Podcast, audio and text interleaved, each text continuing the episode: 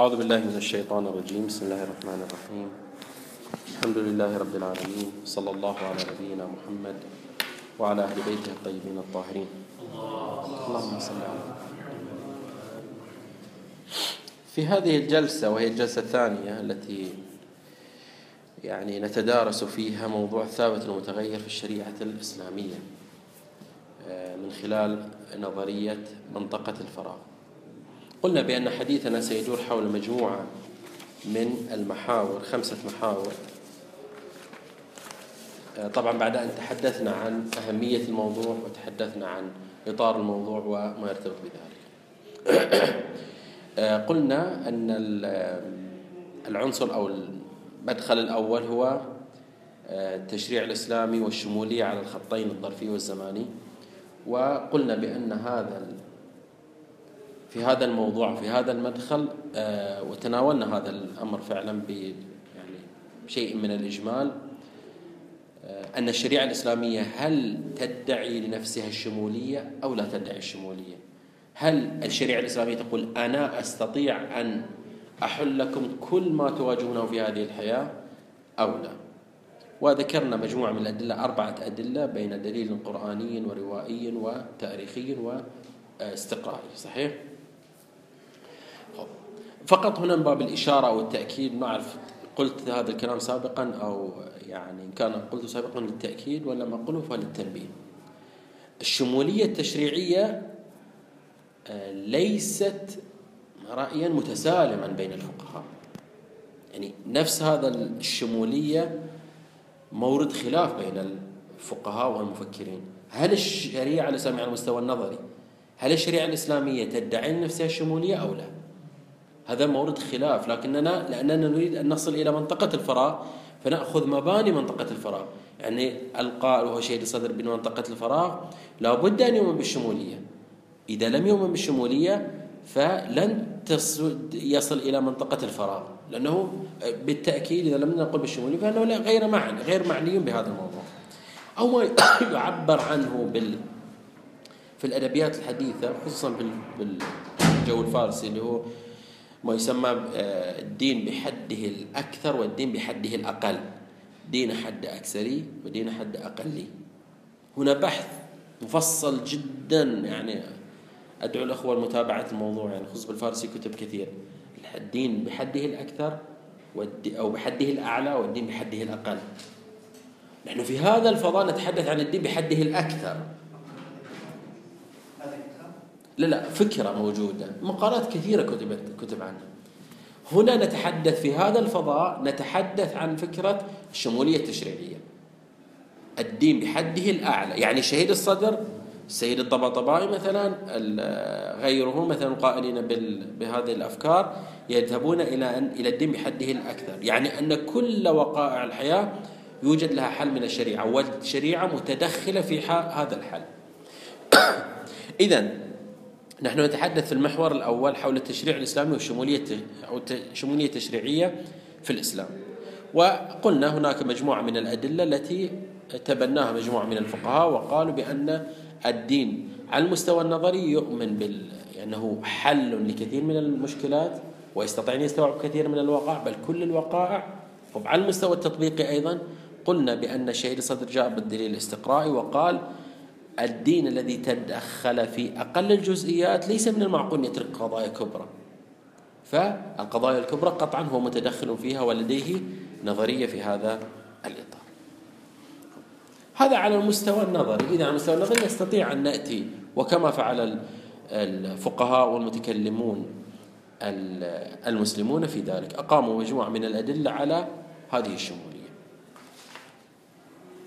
المحور الثاني هو النسق التاريخي والفكري لولادة فكرة الثابت المتغير. لاحظوا من الشمولية التشريعية الآن سننتقل إلى الثابت المتغير. المفكرون المسلمون قالوا لا بأس. نعم توجد هناك أدلة من خلال هذه الأدلة نستطيع أن نوجد حلول وإجابات عن الأسئلة التي تطرحها الحياة بشكل متواصل لكن كيف هذا؟ يعني ما هو تكييف هذه الفكرة؟ يعني على المستوى النظري الشريعة فيها قابلية على المستوى التطبيقي ماذا ماذا نفعل؟ كيف يمكن للفقيه الآن عصر المعصوم لعله خصوصية كيف يمكن كيف يمكن للفقيه أن يعطي إجابات عن أسئلة حديثة. الآن الأسلحة البيولوجية. ما هو موقف الإسلام لن نجد نصا يتحدث عن هذا النوع من الأسئلة. كيف يمكن للفقيه أن يعطي إجابات لهذه الأسئلة التي تطرحها الحياة بشكل مستمر؟ الأنظمة الاقتصادية الأنظمة السياسية موقف الإسلام من العلمانية موقفهم الليبرالية ما هو موقفهم؟ نظام الأسرة الحديث الآن كيف؟ هل الإسلام لديه نظام خاص وإذا كان لديه نظام خاص كيف نأخذه؟ من أين نأخذه؟ هذا السؤال سؤال قديم بقدم التفكير بمسألة الشمولية التشريعية. يعني منقول عن الشهرستاني في كتاب الملل والنحل يقول هكذا يسأل. يقول كيف يمكن للنصوص المتناهية أن تعالج الوقائع غير المتناهية؟ أبعد تقادير لنقل لدينا ستين ألف رواية وستة آلاف آية. وبالنتيجة هذا ليس عدد متناهي. كيف يمكن لهذا العدد المتناهي من النصوص من مصادر التشريع أن يعالج قضايا غير متناهية؟ أنت شيخنا حتى تتصور الموضوع عظم الموضوع. أنت تخيل أن بعد ستة آلاف سنة القرآن قادر على علاج مشكلات البشر. هذا دعوة ضخمة جدا. يحتاج لها تعطيني الكيفية كيف يعالج الإسلام هذه القضايا التي ستستجد؟ واستجدت فعلا أو استجد كثير منها؟ إذا هذا السؤال سؤال بمجرد تتحدث عن شمولية تشريعية يقفز لك هذا السؤال. كيف ستعالج هذا الموضوع؟ السؤال الأساسي وصار ملحن هذا السؤال منذ خمسينيات القرن الماضي. القرن العشرين. في خمسينيات القرن العشرين دخول الأحزاب والتيارات الفكرية والسياسية والاجتماعية في العالم الإسلامي. شكلت ضاغطا على علماء المسلمين.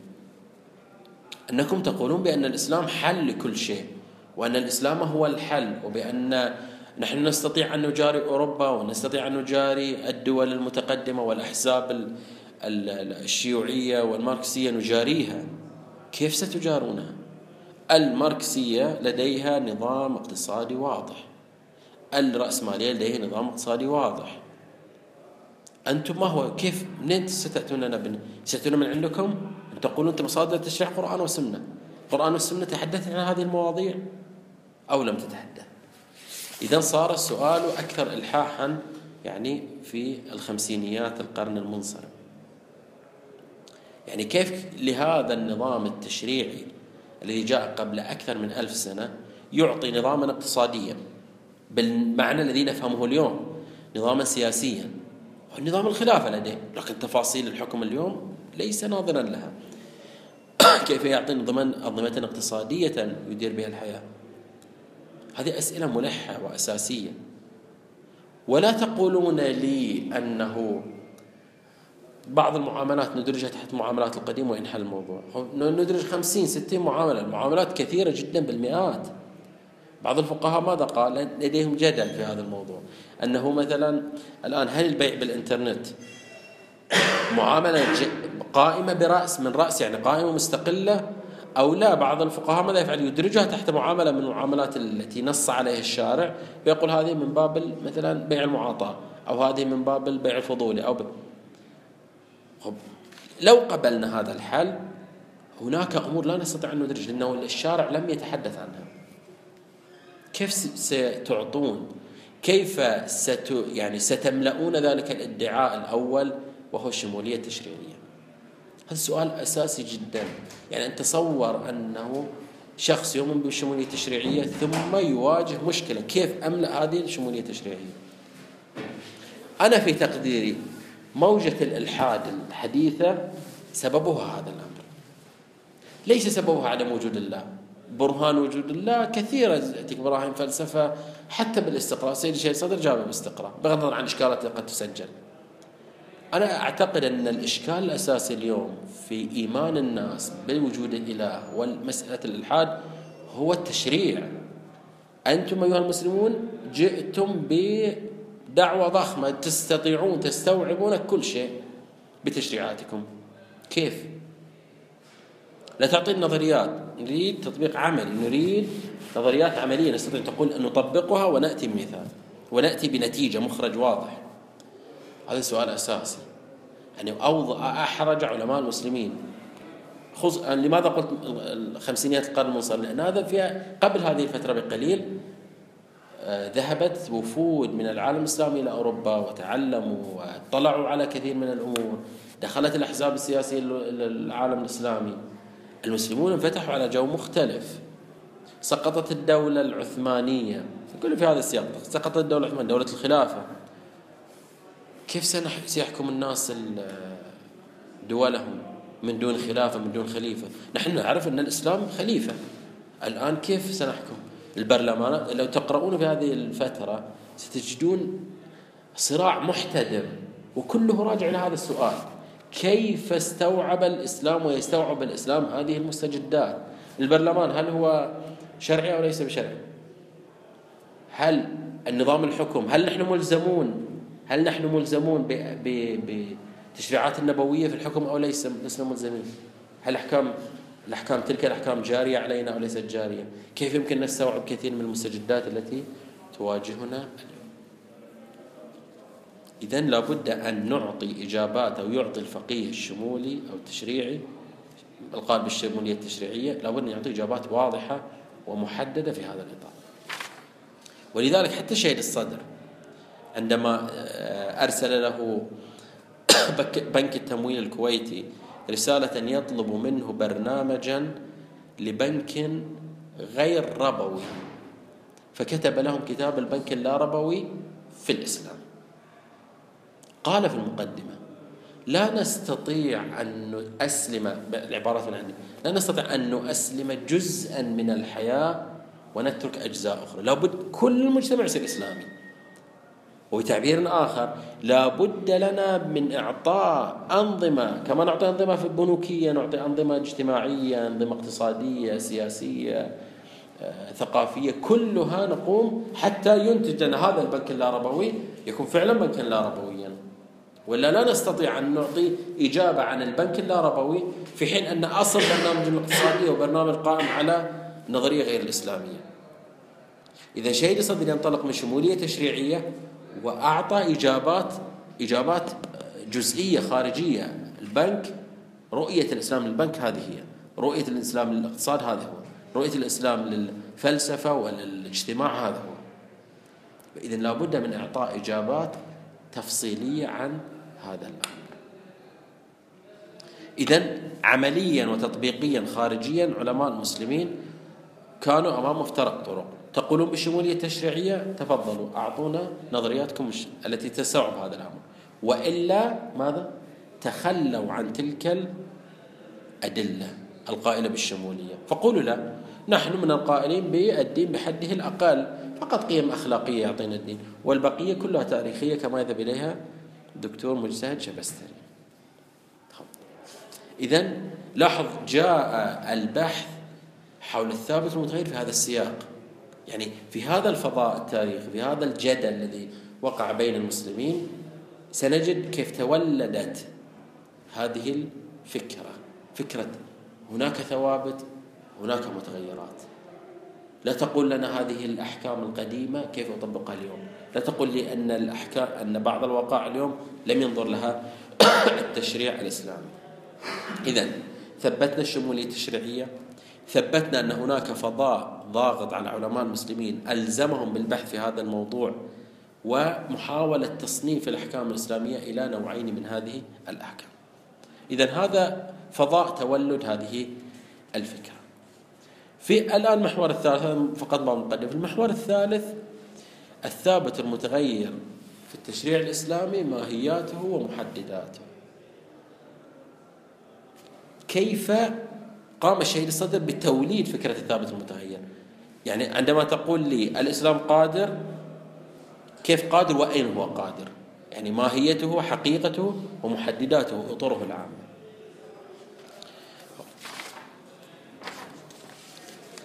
واضح بالنسبة إلينا عندما نتحدث عن أحكام وتشريعات فنحن نتحدث عن بناء مجتمع. لا نأتي بهذه التشريعات فقط في الفضاء نطلقها. نحن نريد بناء مجتمع. عندما نقول لدينا تشريعات يعني لدينا لدينا أحكام موجهة إلى فئة بشرية. هذه الفئة البشرية هي التي ستكون موردا لتطبيق هذه الأحكام. فإذا نحن نتحدث عن كيف يمكن بناء نظام اجتماعي اجتماعي بهذا المعنى. بمعنى أنه نظام مسلط أو موجه لمجموعة من البشر أو من الناس.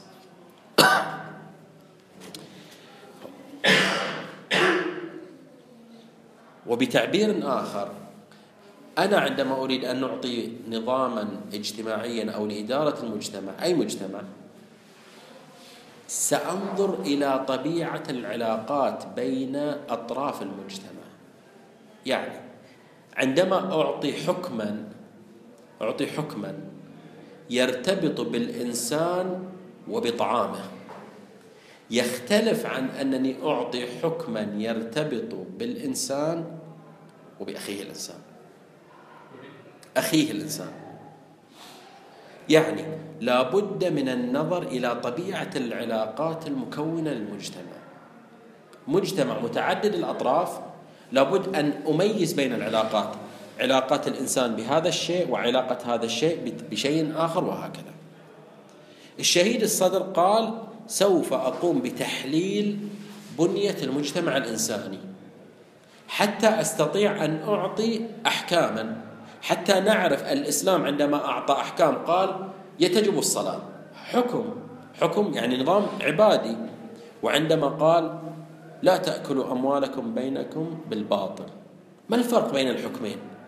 لماذا هذا الحكم جاء بهذه الطبيعة وذاك الحكم جاء بطبيعة أخرى؟ خلاصة موجز نظرية شهيد الصدر في بناء المجتمعات الإنسانية هكذا نقول. شهيد الصدر يقول أي مجتمع المجتمع البشري مكون من ثلاثة عناصر رئيسية. الله الإنسان الطبيعة. الله الإنسان الطبيعة. هناك علاقة الله والإنسان هناك علاقة الإنسان بالإنسان هناك علاقة الإنسان بالطبيعة وهناك علاقة خارج عن موردنا وهو وهي علاقة الله والطبيعة.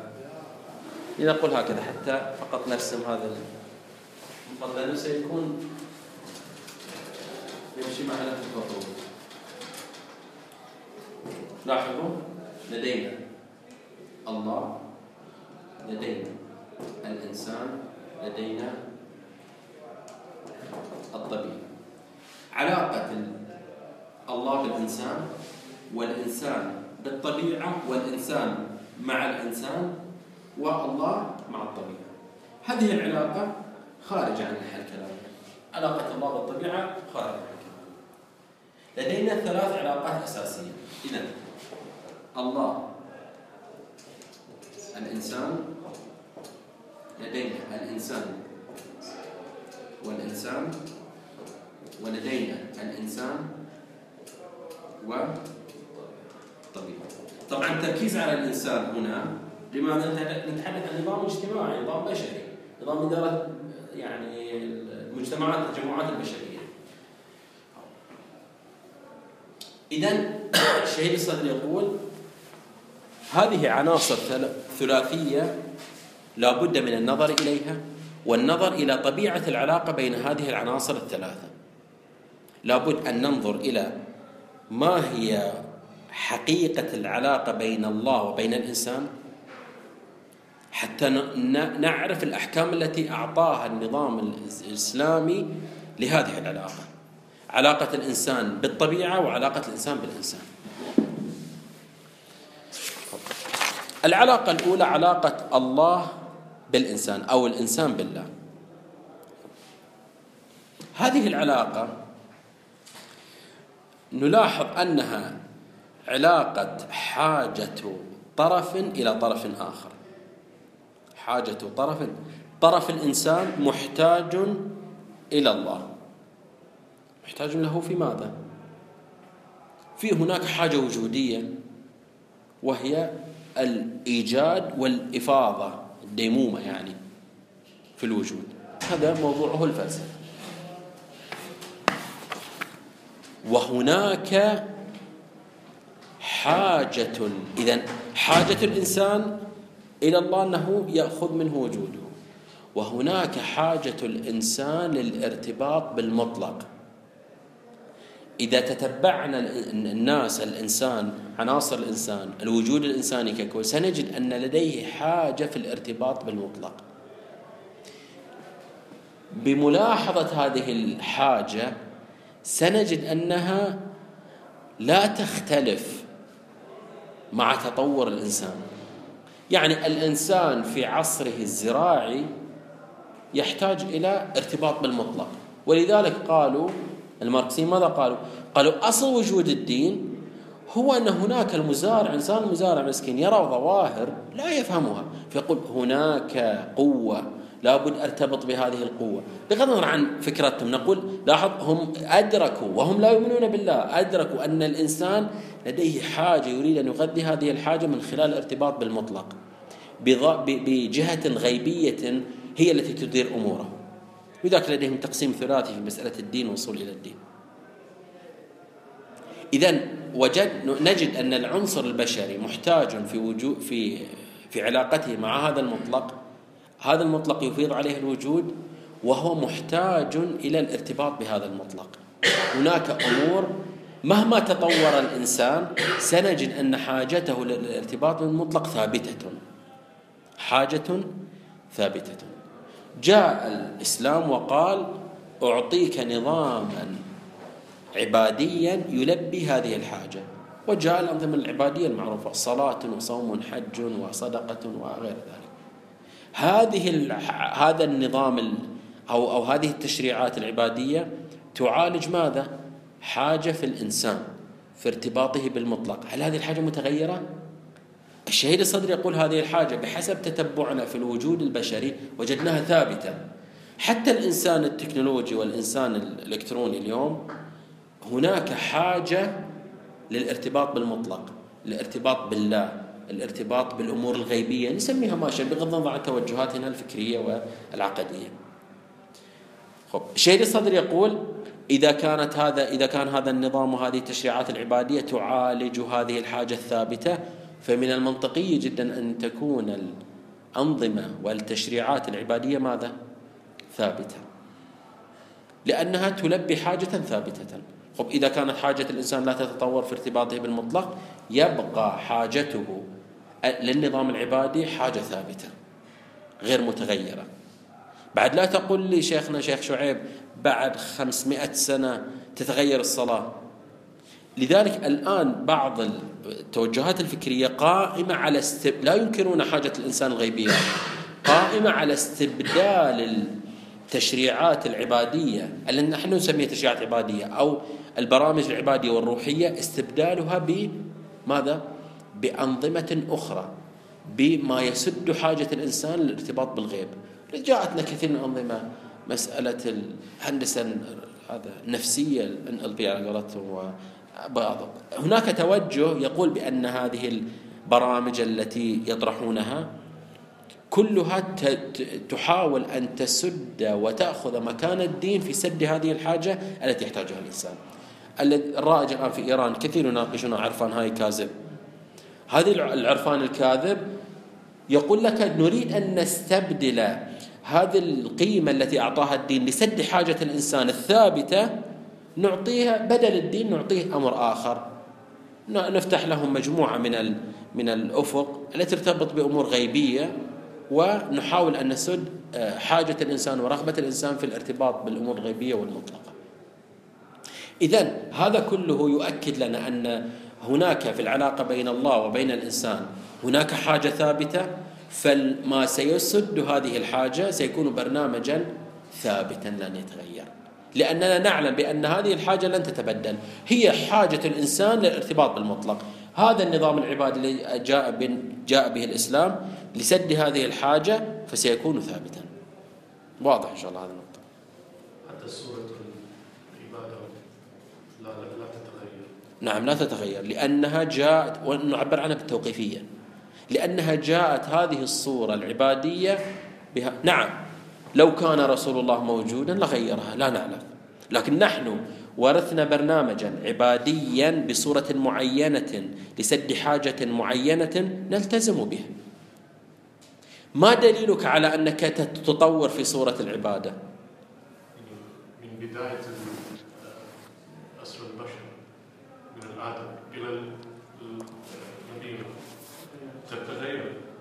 تغيرت العبادة صورة العبادة. نعم. لكن نتحدث الآن من عصر النبي صلى الله عليه وآله. كيف كيف سيغير العبادة صورة العبادة؟ لا بد تأخذ في عين الاعتبار أن محمدا صلى الله عليه وآله آه، خاتم الرسل. محمد رسول لجميع الناس. لو كان صورة العبادة لابد أن تنسجم مع تطورات الإنسان وحاجته العبادية لأعطى مساحة تشدد. هو تشدد محمد تشدد في صورة الصلاة. صلوا كما رأيتموني أصلي. هذا من باب دخول التفاصيل فقط. إذا أصل المطلب أصل المطلب أن هناك حاجة في الارتباط بالمطلق. ما يؤمن هذه الحاجة هو البرنامج العبادي أعطانا إياه الإسلام فسيكون هذا النظام العبادي بحسب شهيد الصدر ثابتا لأنه يلبي حاجة ثابتة. هذه العلاقة الأولى. الإنسان بالله.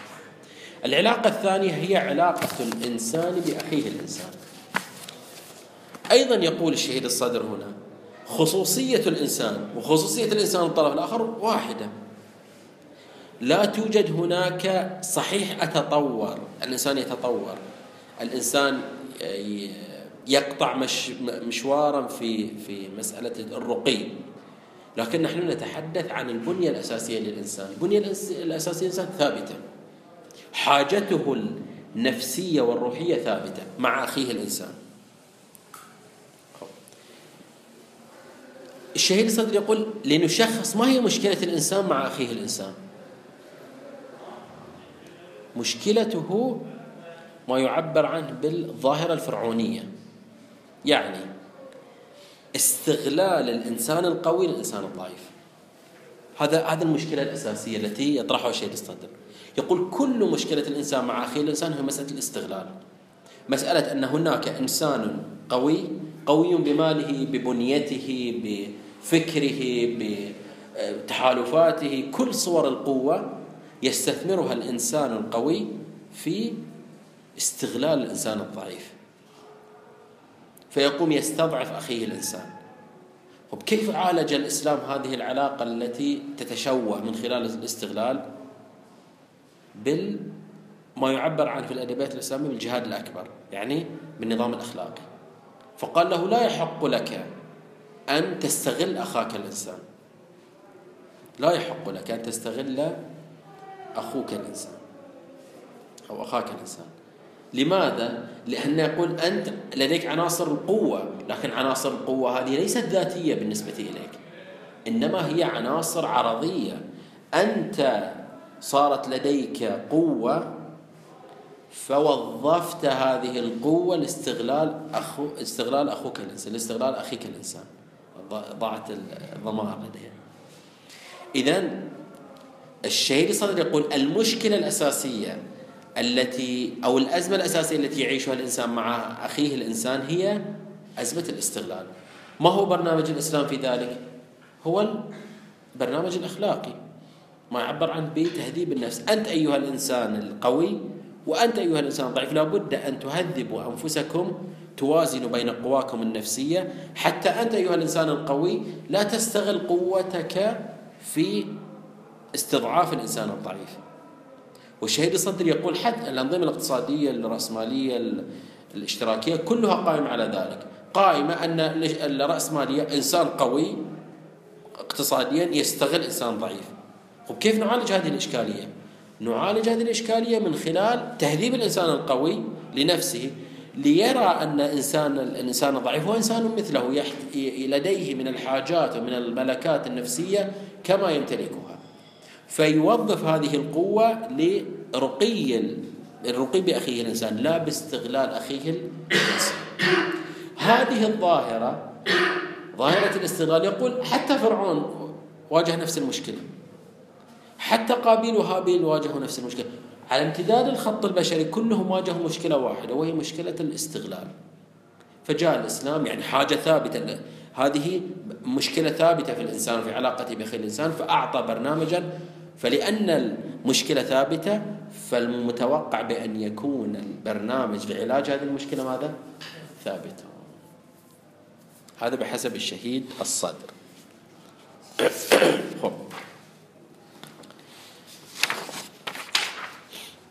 العلاقة الثالثة هي علاقة الإنسان بالطبيعة. علاقة الإنسان بالطبيعة مختلفة تماما. العلاقة مع الله هناك عنصر ثابت هو الله دائم الفيض. هناك عنصر ثابت في الإنسان وهو حاجته لله فأعطينا حكما هذا الحكم سيكون ثابتا.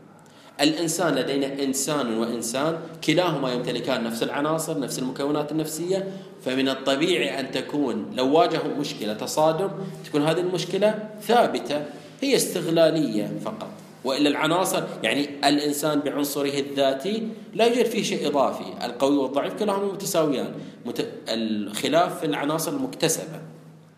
أما في علاقة الإنسان بالطبيعة مختلفة. هناك نعم. هناك طرف يريد حاجته من طرف آخر ولكن الطرف الثاني لا يلبي حاجة الطرف الأول إلا بشروط. الإنسان يريد حاجة من الطبيعة والطبيعة تلبي حاجة الإنسان بشرط أن يكتشف الإنسان أسرارها يعني الإنسان قبل ألف سنة كانت الطبيعة تلبي حاجته لكن تلبي حاجته بأي مقدار؟ بمقدار بحثه ومعرفته بالطبيعة. العصر الزراعي كانت الطبيعة تلبي حاجة الإنسان بحسب أسئلته وبحسب بحثه بحسب تتبعه تعطيه تمده. انتقل اكتشف الإنسان عنصرا اضافيا في الطبيعة فانتقل إلى عصر الصناعي. هذا العصر الصناعي صارت الطبيعة تمده بما يحتاجه. انتقل الإنسان إلى العصر المعلوماتي. صارت الطبيعة تمده بما يحتاج حاجة الإنسان في العصر الزراعي ليست كحاجته في العصر الصناعي وليست كحاجته في العصر المعلوماتي. الحاجات متغيرة. ولذلك انتقل من طور إلى طور. لذلك انتقل من الزراعة إلى الصناعة إلى مثلا التكنولوجيا والمعلومات. طبيعة علاقة الإنسان بالطبيعة ليست علاقة ثابتة كالعلاقتين السابقتين. إنما هي علاقة متغيرة متبدلة بحسب قدرة الإنسان على الاكتشاف. يعني إنسان الزراعة لم يكن يتصور في فترة من الفترات أنه يستطيع أن يصل إلى القمر. لا يخطر في ذهني لا يقول لا أستطيع لا يخطر يعني؟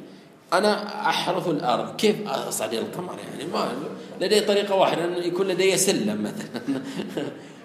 لكن الإنسان الصناعي جاء في ذهنه أنني أصعد إلى القمر. لأنه تطور لأنه صارت لديه قدرة مكنة إضافية. إذا حاجة الإنسان الأول من الطبيعة محدودة بحسب هو أفقه بحسب أفقه. الإنسان الثاني الصناعي أيضا أعطته الطبيعة بحسب أفقه. الإنسان أيضا في عصر التكنولوجيا كذلك. يأتي أي نظام اجتماعي يريد أن يقنن علاقة الإنسان بالطبيعة. سيواجه مشكلة. كيف أعطي أحكاما لطب... لعلاقة وارتباط دائم التغير؟ أقول له من أحيا أرضا فهي له. جيد. من أحيا أرضا؟ يأتي الصحابي. حد حد الصحابي يعني بحسب تعبيرنا يعني أقصى ما سيصل إليه الصحابي أنه فرضا كيلومتر. شيء يحيي كيلومتر. إنسان اليوم يستطيع أن يحيي بلادا كاملة. هل من المعقول أن الإسلام يقول من أحيا أرضا فهي لا فيأتي السيد ترامب بأجهزته وقدرته ومكاناته فيحيي مثلا نصف أفريقيا فيملك نصف أفريقيا. تقبل يا شيخ حسن؟ لأنه الإسلام قال له من أحيا أرضا فهي له. قطعا هذا الحكم ليس ناظرا إلى ذلك الأفق الذي سيعيشه الإنسان ويعيشه الإنسان اليوم. تقول لي عام نص عام. أقول لك هذا النص العام سيتعارض مع أصل أساسي ديني وهو أصل العدالة وأصل أن الثروة ملك لجميع الناس ليس لإنسان ذو قدرة ذو قدرة أكثر من أخيه الإنسان. إذا هذا التطور الذي يعيشه الإنسان سيوقع المشرع سواء كان مشرع إسلامي أو غير إسلامي سيوقع المشرع في في إشكالية كيف أعطيه أحكام وأذهب عنه؟ وهو لديه قدرة على الوصول إلى أغراضه بطريقة غير ما كنت أتصوره. إذا هنا واجه المشرع أصل المشرع المقنن واجه إشكالية أنني أواجه ارتباطا وعلاقة بين عنصرين أحدهما ثابت في حاجته يعني في إعطائه بحسب بحسب تطور الطرف الآخر. كلما اتسع أفق الإنسان كلما الطبيعة انفتحت عليه. لا أستطيع أن أعطي أحكاما قبل ألف سنة لإنسان سيعيش بعد خمسة آلاف سنة. لا أعرف أصلا الآن الآن نحن. لا نعرف بعد خمسة آلاف سنة أين ستصل البشرية كيف أعطي أحكام؟ نتصور الآن برلمان في أحد الدول يقول هذا الحكم لا نستطيع أن نغيره. يسري إلى يوم القيامة. قلنا غير معقول الآن تتحدث عن علاقات خاصة. بعد خمسة آلاف سنة قطعا ستتطور البشرية هذا من بديهيات يعني. إذا نحن في بحثنا عن تشريعات. لا نبحث كل التشريعات. التشريعات التي تعالج حالات ثابتة ستبقى على ثباتها. لكن حديثنا عن التشريعات التي تعالج حاجات متغيرة. كيف سأعالج هذه الحاجات المتغيرة؟ هنا في هذا الأمر صار الحديث عن أحكام ثابتة وأحكام متغيرة. أحكام ثابتة تعالج حاجات ثابتة وأحكام متغيرة تعالج حاجات متغيرة. إذا لاحظوا الأفق الآن. نحن لا يأتي إنسان ويقول بحسب شيء صدر لا يقول الإنسان كيف هذه العبادة التي قبل ألف سنة ستعالج لي ستعالج لي الآن؟ الآن ستتطور الآن نستعمل الإنترنت لابد أن تأتيني بعبادة تتناسب ورقي الإنسان. نقول له حاجة الإنسان للعبادة لا تتطور. هذه الحاجة ثابتة كما أن جدك يحتاج إلى العبادة بنفس المقدار أنت تحتاج لها. بنفس الحاجة حقيقة الحاجة التي يحتاجها المسلمون أيام أيام النبي صلى الله عليه وسلم والصحابة أيام النبي بنفس المقدار بنفس العمق بنفس الحقيقة أنت تحتاجها وسيحتاجها من يأتي بعدك. ما الداعي نعطي كل فترة وبدل في العبادات؟ فإذا أحكام عبادية ثابتة. كما أن المشكلة التي أنت تعيشها اليوم في الأنظمة الرأسمالية والأنظمة الاشتراكية من ظلم نفس المشكلة عاشها بنو إسرائيل مع موسى ونفس المشكلة عاشها قابيل مع هابيل. المشكلة واحدة أن إنسانا شعر بالقوة فاستغل أخاه الإنسان. فماذا فعل؟ صار ذلك الإنسان يمتلك كل الثروات وأنا لأنني ذو قدرات ضعيفة لا أمتلك شيء بل أوظف في أنني أجلب الثروات لذلك إنسان قوي. المشكلة واحدة مشكلة الاستغلال. أيضا لا داعي لأن نعطي برنامجا لعلاج هذه المشكلة الثابتة التي مهما تطور الإنسان ستبقى معه. مشكلتنا في أن الإنسان بقدراته الذهنية المذهلة ينفتح على الطبيعة والطبيعة كريمة تعطيه. كلما انفتح عليه كلما أغدقت عليه من أسرارها ومن منجزاتها. هذه العلاقة التي نحتاج إلى تقنينها ونحتاج إلى التفكير كيف سنعالج هذه الوقائع المتغيرة بمصادر محدودة. إذا هنا نتحدث بالتحديد. نتحدث عن علاقة الإنسان بالطبيعة وكيف نعالج هذه الإشكاليات. تلك حاجات ثابتة أحكامها ثابتة. هذه حاجاتها متغيرة فأحكامها لابد أن تكون متغيرة. هنا نتحدث عن منطقة الفراغ. هذا لابد أن نعالج المصادر المحدودة لأن قلنا أن شمولية نعم الشمول لأن الدين شامل. يعني فلا بد لكن الإنسان الذي لا يؤمن بالشمولية يقول لا شأن لي أو أعالجها لا بالأدلة والمصادر التشريعية لا أعالجها بحسب الذهن البشري بحسب الطاقات البشرية بحسب ما تواضع عليه العقلاء. هذا تمام الحديث عن هذه النقطة نفكر فيها لعلنا يعني نجد نقاط إضافية في هذا الإطار. يبقى منطقة الفراغ ومجالاتها في الفضاء التشريعي. الآن هذه العلاقة المتغيرة كيف سأضبطها؟ كيف الآن يأتي المشرع الإسلامي ويقول يجب كذا ولا يجب كذا في علاقة الإنسان مع الطبيعة؟ ما هو الضوابط؟ ما هي الأساليب التي اتخذها أو نظر لها شيء للصدر في علاج هذه العلاقة المتغيرة؟ إن شاء الله الأسبوع القادم حديثنا والحمد لله رب العالمين.